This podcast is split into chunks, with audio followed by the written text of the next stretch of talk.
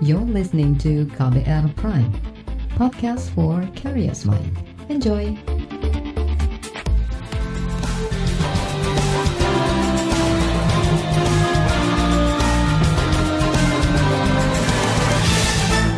Halo saudara, senang sekali kami bisa menyapa Anda kembali dalam program KBR Sore edisi hari ini Jumat 10 September 2021. Saya Agus Lukman menemani Anda selama kurang lebih 30 menit ke depan. Sore ini kita membahas mengenai penggunaan vaksin COVID-19 dosis ketiga atau vaksin booster. Pemerintah sudah memutuskan dosis ketiga hanya diperuntukkan bagi tenaga kesehatan. Namun sejumlah pejabat diduga turut mendapatkan booster ini secara diam-diam. Koalisi Lapor COVID-19 menilai pemberian booster untuk selain tenaga kesehatan tidak tepat. Lalu bagaimana pengawasan agar penggunaan vaksin dosis ketiga ini tidak disalahgunakan? Lalu apa sanksi bagi mereka yang menggunakan secara diam-diam? Berikut kami hadirkan pembahasannya di KBR sore. Saudara, penggunaan vaksin COVID-19 dosis ketiga untuk orang selain tenaga kesehatan menuai kecaman. Diduga ada sejumlah pejabat atau keluarga yang telah mendapatkan booster meskipun mereka bukan kelompok prioritas penerima. Ini salah satunya terungkap saat Presiden Joko Widodo melakukan kunjungan kerja ke Samarinda, Kalimantan Timur pada akhir bulan lalu. Saat itu sejumlah pejabat mengaku telah mendapat vaksin dosis ketiga COVID-19. Sementara itu Koalisi Lapor COVID-19 juga mengklaim mendapat informasi bahwa ada penggunaan vaksin booster untuk orang selain tenaga kesehatan di wilayah Jakarta. Saudara Kementerian Kesehatan menegaskan pemberian booster atau vaksin dosis ketiga hanya untuk kelompok prioritas atau tenaga kesehatan. Juru bicara vaksinasi di Kementerian Kesehatan, Siti Nadia Tarmizi, meminta booster tidak disalahgunakan dengan diberikan kepada orang selain tenaga kesehatan. Nadia mengatakan para pejabat atau pengambil kebijakan harus membuat fakta integritas sebagai landasan pertanggungjawaban bahwa penggunaan vaksin tidak disalahgunakan. Berikut penjelasan juru bicara vaksinasi di Kementerian Kesehatan Siti Nadia Tarmizi. Sesuai dengan surat edaran PLT Direktur Jenderal P2P nomor 1919 pertanggal 23 Juli 2021, maka vaksinasi booster ketiga diberikan kepada tenaga kesehatan, asisten tenaga kesehatan, dan tenaga penunjang yang ada di fasilitas pelayanan kesehatan, kantor kesehatan pelabuhan, dan balai teknik kesehatan lingkungan pengendalian penyakit. Adapun Kepala Dinas Kesehatan Kabupaten dan Kota serta direktur rumah sakit, serta kepala puskesmas maupun pimpinan institusi fasilitas pelayanan kesehatan lainnya harus memastikan dan bertanggung jawab terhadap pemberian vaksinasi booster ketiga ini sesuai dengan sasarannya dengan membuat pernyataan dalam bentuk fakta integritas sebagai tanggung jawab atas kebenaran sasaran vaksinasi penerima booster ketiga kepada tenaga kesehatan, asisten tenaga kesehatan, dan tenaga penunjang yang berada di fasilitas pelayanan kesehatan. Pemberian vaksinasi booster ketiga kepada sasaran nakes dan asisten nakes serta tenaga penunjang di Fasiankes ini dapat menggunakan vaksin dengan platform yang sama maupun vaksin dengan platform yang berbeda vaksinasi dengan menggunakan vaksin Moderna dapat juga diberikan sebagai booster kepada tenaga kesehatan, asisten tenaga kesehatan, maupun tenaga penunjang. Itu tadi juru bicara vaksinasi dari Kementerian Kesehatan Siti Nadia Tarmizi. Sementara itu di tengah cakupan vaksinasi di Indonesia yang masih rendah, pemerintah malah merancang program pemberian vaksin booster atau vaksin suntikan ketiga untuk masyarakat umum. Rencananya pemberian vaksin COVID-19 dosis ketiga ini akan dimulai pada tahun depan. Pelaksana tugas Dirjen Pencegahan dan Pengendalian Penyakit di Kementerian Kesehatan, Maksi Rain Rondonuwu mengatakan, pemerintah sedang membuat percepatan skema vaksinasi tahap 1 dan 2 serta vaksinasi booster. Kita program ke depan, kita tahun depan kita sudah membuat skema untuk melakukan booster bagi yang sudah divaksin dosis 1 2 tapi yang belum divaksin ya karena umur 11 sampai uh, baru di bawah 11 tahun akan beralih ke 12 tahun, tentu itu akan menerima vaksin dosis 1 dan dosis 2. Skema ini sudah kami buat, sekalipun memang pemerintah tentu tidak mampu ya melakukan pembayaran untuk semua penduduk seperti sekarang ini. Jadi kita akan prioritaskan terutama yang masuk kalau di BPJS itu yang penerima bantuan iuran, berarti yang masyarakat miskin, tapi jumlahnya cukup banyak ya, 100 juta itu akan kita prioritaskan program pemerintah untuk dilakukan poster. Dalam perkembangannya saya kira kita akan terus menyesuaikan karena memang eh, WHO sebenarnya belum mengizinkan untuk apa melakukan poster bukan soal tidak boleh karena cara medis tetapi secara kesetaraan kesetaraan itu masih banyak masyarakat dunia ini yang belum divaksin. Kalau mungkin rata-rata vaksin nasional eh, dunia itu mungkin baru di bawah di bawah 10 persen yang sudah dapat vaksinasi. Penanganan pandemi ini kan nggak bisa. Sekalipun kita Amerika sudah selesai dosis 3 pun, tapi negara lain pun belum ada divaksin, itu kan masih mengkhawatirkan. Karena mobilitas sekarang cepat ya dari satu negara ke negara lain, saya kira penanganan pandemi secara keseluruhan dunia itu kita tidak mungkin e, negara itu merasa sudah aman kalau dia sudah melakukan selesai vaksin satu dua maupun booster itu saya kira tidak tidak menjadi jaminan negara itu masih aman. Oleh karena itu WHO tadi mengatakan dari sisi kesetaraan ya kalau bisa masyarakat divaksin dulu dosis satu dua masyarakat dunia itu selesaikan. Itu tadi pelaksana tugas Dirjen Pencegahan dan Pengendalian Penyakit di Kementerian Kesehatan Maksi Ren Rondonuwu. Saudara, di bagian berikutnya kami hadirkan laporan khas KBR kali ini mengulas topik capaian booster vaksin bagi tenaga kesehatan. Tetaplah di KBR sore. You're listening to KBR Pride, podcast for curious mind. Enjoy.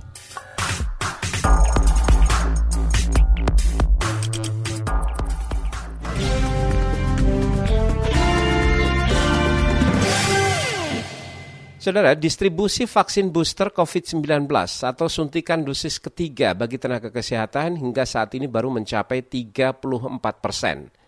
Ikatan Dokter Indonesia mendorong percepatan pemberian vaksin booster bagi tenaga kesehatan.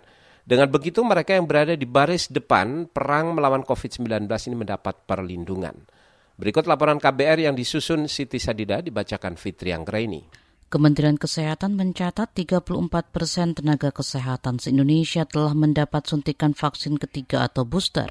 Saat rapat dengan Komisi Kesehatan belum lama ini, Menteri Kesehatan Budi Gunadi Sadikin mengatakan booster vaksinasi terbanyak dilakukan di Bali dan Kepulauan Riau. Sampai hari ini sudah cukup cepat dalam dua minggu terakhir mengenai suntikan untuk para nakes. Sudah kurang lebih 34 persen SDM kesehatan atau mungkin hampir 450 ribu yang saya lihat per tadi pagi yang sudah disuntikan. Saya lihat acceptance dari para nakes sekarang sudah jauh lebih tinggi. Pada saat pertama kali kita belum bisa mendapatkan penerimaan yang full dari para tenaga kesehatan karena takut ada dampaknya terutama kalau itu mixing tapi sekarang penerimaannya sudah jauh cukup tinggi. Kementerian Kesehatan telah menerbitkan surat edaran tentang vaksinasi dosis ketiga bagi seluruh tenaga kesehatan, asisten tenaga kesehatan, dan tenaga penunjang yang bekerja di fasilitas pelayanan kesehatan. Dalam surat edaran tersebut, Kemenkes menegaskan vaksin ketiga atau booster hanya diperuntukkan bagi tenaga kesehatan. Jika terbukti ada pihak selain nakes yang menerima dosis ketiga vaksin COVID-19, maka telah menyalahi aturan.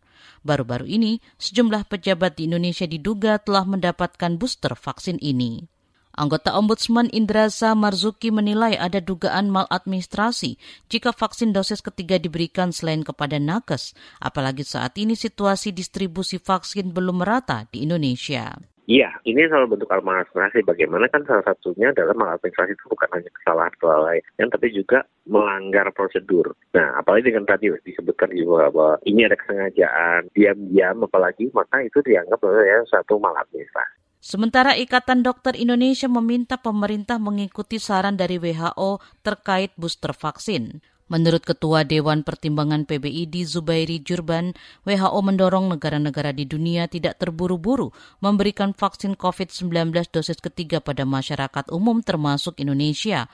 Pasalnya, distribusi vaksin dosis pertama dan kedua saja belum merata. Menurut WHO menyarankan jangan dulu. Nah, kenapa jangan kan bermanfaat? Iya, bermanfaat, bermanfaat, namun menjadi tidak adil. Karena yang suntikan pertama saja belum seluruh penduduk dunia disuntik. Apalagi suntikan kedua bah masih sedikit banget. Obat-obat ini vaksin-vaksin yang terbatas jumlahnya sekarang ini kan bertahap masuknya. Jadi eh, WHO menyarankan kalau sudah lebih dari 10% seluruh penduduk dunia ini mendapat eh, vaksinasi yang lengkap baru bolehlah pikirkan untuk vaksinasi dengan booster suntikan yang ketiga. Saya kira eh, ini azas keadilan yang bagus.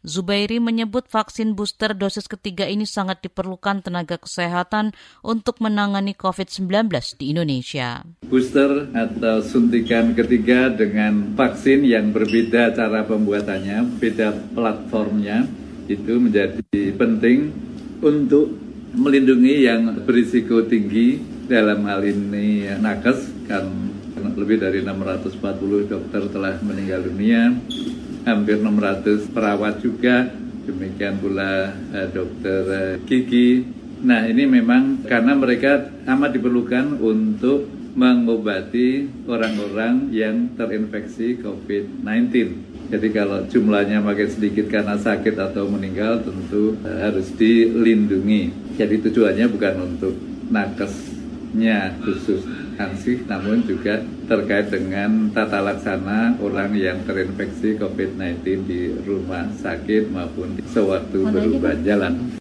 Sementara Wakil Ketua Umum Ikatan Dokter Indonesia Selamat Budiarto mengakui ada nakes yang terganggu karena merasakan kejadian ikutan pasca imunisasi atau KIPI setelah mendapat vaksin booster. Ini kemudian memengaruhi capaian vaksinasi nakes dosis ketiga karena perlu dilakukan pengaturan pemberian vaksin. Saat ini memang cakupannya baru 34 persen, tetapi cakupan 34 persen itu penyebabnya tidak hanya distribusi tetapi karena efeknya yang agak sedikit lumayan sehingga vaskesnya mengatur. Karena kalau satu vaskes divaksin semua bisa-bisa hari berikutnya tutup eh, vaskesnya. Selamat menyarankan pemerintah memperkuat kerjasama dengan asosiasi terkait guna mempercepat distribusi vaksin booster COVID-19 dosis ketiga untuk nakes. Laporan ini disusun Siti Sadida. Saya Fitri Anggreni. Lalu bagaimana tanggapan Pemda DKI atas dugaan booster untuk pejabat dan juga bagaimana sikap DPR mengenai isu ini? Tetaplah di KBR sore. You're listening to KBR Pride, podcast for curious mind. Enjoy.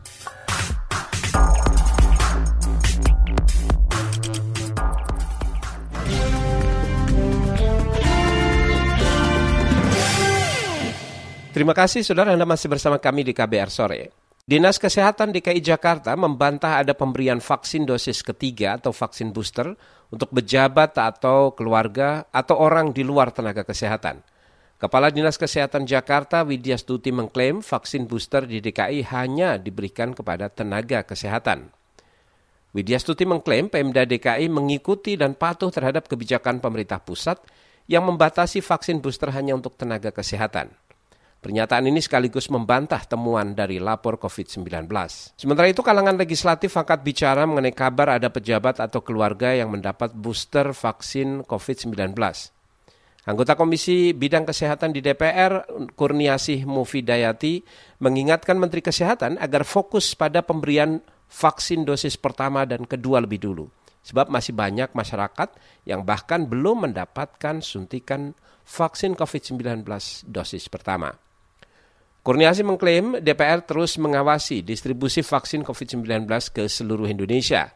Pengawasan ini dilakukan untuk memastikan seluruh sasaran dapat menerima vaksin lengkap hingga akhir tahun ini.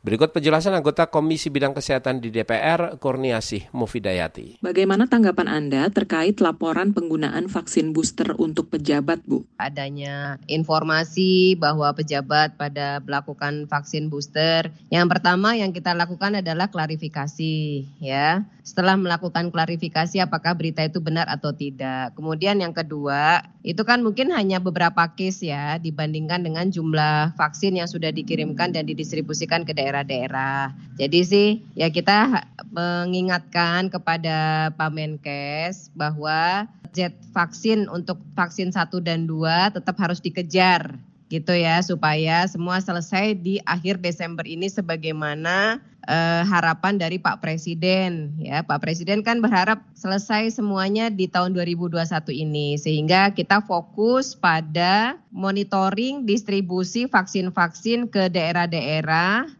yang belum merata gitu ya. Jadi kita lebih mengawasi yang lebih besar gitu loh Mbak gitu. Kalau case-case kecil kayak gitu kan nanti kalau kita harus ini akhirnya yang besar malah nggak terawasi gitu kan. Menurut Anda bagaimana dengan wacana booster berbayar Bu? Itu wacana ya, wacana ya saya jelaskan ya wacana. Itu wacana bahwa kalaupun nanti ada booster itu satu dilakukannya di 2022 ketika vaksin 1 dan 2 sudah selesai. Jadi tetap Kemenkes kita minta fokus menyelesaikan vaksin 1 dan 2 dan vaksin booster untuk tenaga kesehatan dan tenaga medis. Ini tenaga kesehatan dan medis juga belum selesai, Mbak. Nah, kalau nanti ini semua sudah selesai, tahap 1 2 untuk seluruh yang harus divaksin, kemudian tenaga kesehatan tenaga medis sudah melakukan vaksin booster yang ketiga, baru bicara vaksin ketiga untuk masyarakat. Nah, skemanya bagaimana? Itu baru kita diskusikan lagi nanti. Ini kan kita masih prioritas kita masih fokus menyelesaikan target satu dua dulu sama yang ketiga untuk nakes dan kesehatan dulu gitu. Jadi satu persatu kita bahas. Tapi sambil kita mendorong vaksin merah putih gitu loh. Vaksin merah putih kan alhamdulillah progresnya juga bagus nih dan dia udah siap untuk diproduksi di tahun 2022. Jadi nanti mungkin mulai Januari 2022 kita harapkan sudah ada vaksin yang bisa disuntikan yang ketiga dan mudah-mudahan vaksin merah putih sudah bisa menjadi vaksin booster untuk masyarakat. Itu tadi wawancara KBR dengan anggota DPR Kurniasih Mufidayati. Lalu seperti apa informasi yang diterima Koalisi Lapor COVID-19 mengenai pemberian vaksin dosis ketiga bagi non-tenaga kesehatan? Kami hadirkan informasinya sesaat lagi tetaplah di KBR Sore. You're listening to KBR Pride, podcast for curious mind. Enjoy!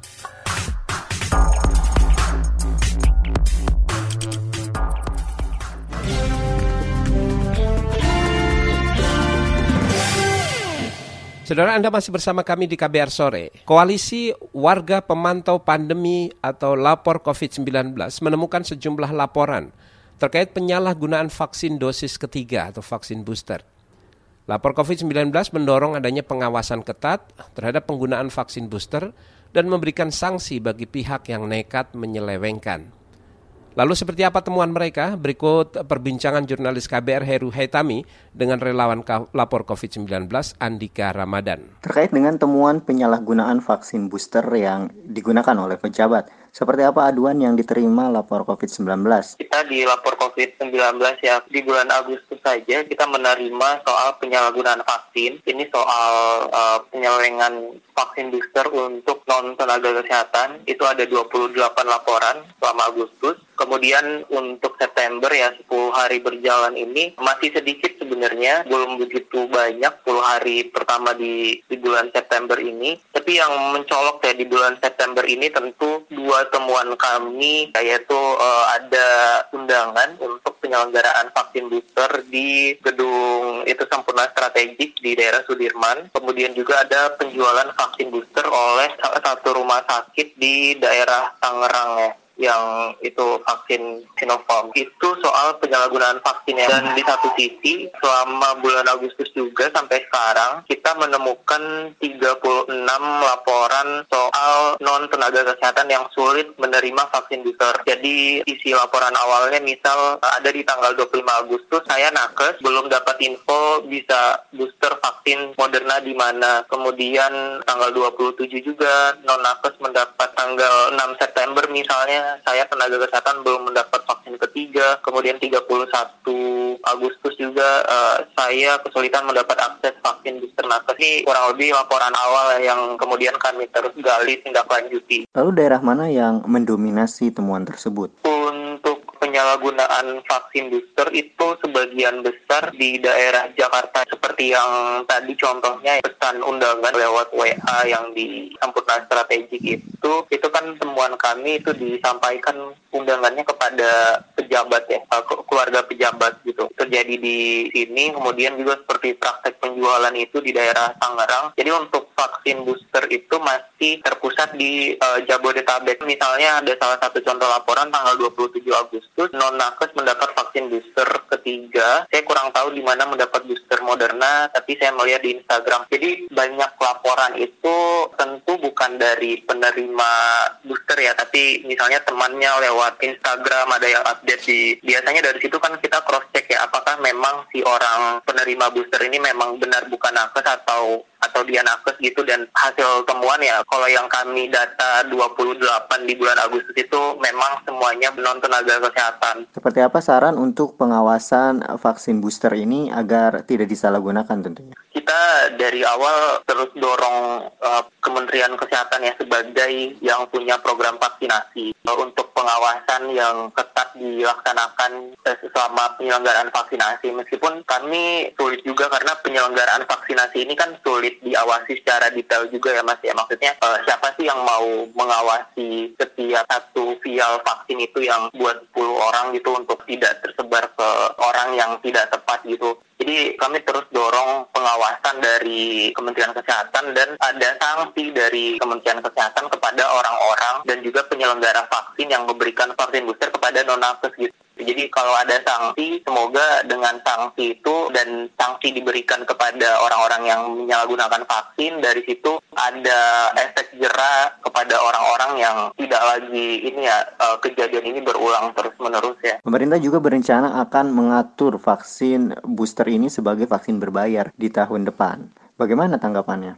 Jelas menolak segala macam bentuk penjualan vaksin sejak awal vaksin datang di Indonesia bulan Januari sampai sekarang. Bahkan soal vaksin gotong royong yang sekarang capaiannya tuh belum sampai satu juta ya. Terakhir saya lihat masih sekitar 800 ribuan vaksin gotong royong. Jadi segala macam bentuk penjualan vaksin, apalagi direncanakan untuk menjual vaksin booster ketiga di 2022, bagi kami masih masih terlalu jauh lah, masih capaian vaksinasi kita untuk dosis pertama dan dosis kedua saja kan masih perlu digenjot ya. Kita ragu ya untuk sampai 2021 selesai target vaksinasi atau mayoritas uh, penduduk Indonesia sudah divaksin itu masih ragu. Jadi jangan buat gagal fokus ya. Kalau hmm. ini kan akhirnya program vaksinasi yang harusnya didahulukan yang jadi prioritas dengan adanya wacana kayak begini, rencana seperti ini kayaknya akan mengganggu fokus dari program vaksinasi itu sendiri. Dan juga vaksin gotong royong itu yang bagi kami itu program gagal. Rasanya itu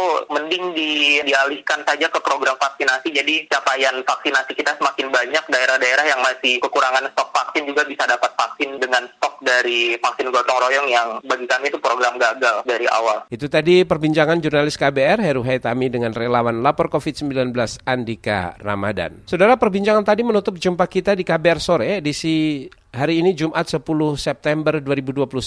Pantau selalu informasi terbaru melalui situs kbr.id, Twitter kami di akun @beritaKBR serta podcast di alamat kbrprime.id. Jangan lupa untuk tetap mematuhi protokol kesehatan dengan melakukan 6M. Memakai masker, menjaga jarak, mencuci tangan dengan sabun, menjauhi kerumunan, mengurangi mobilitas, serta mengikuti vaksinasi COVID-19. Saya Agus Lukman bersama tim yang bertugas kami undur diri. Salam.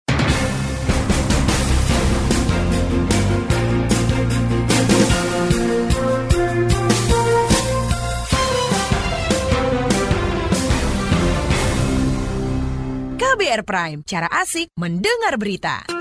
KBR Prime, podcast for curious mind.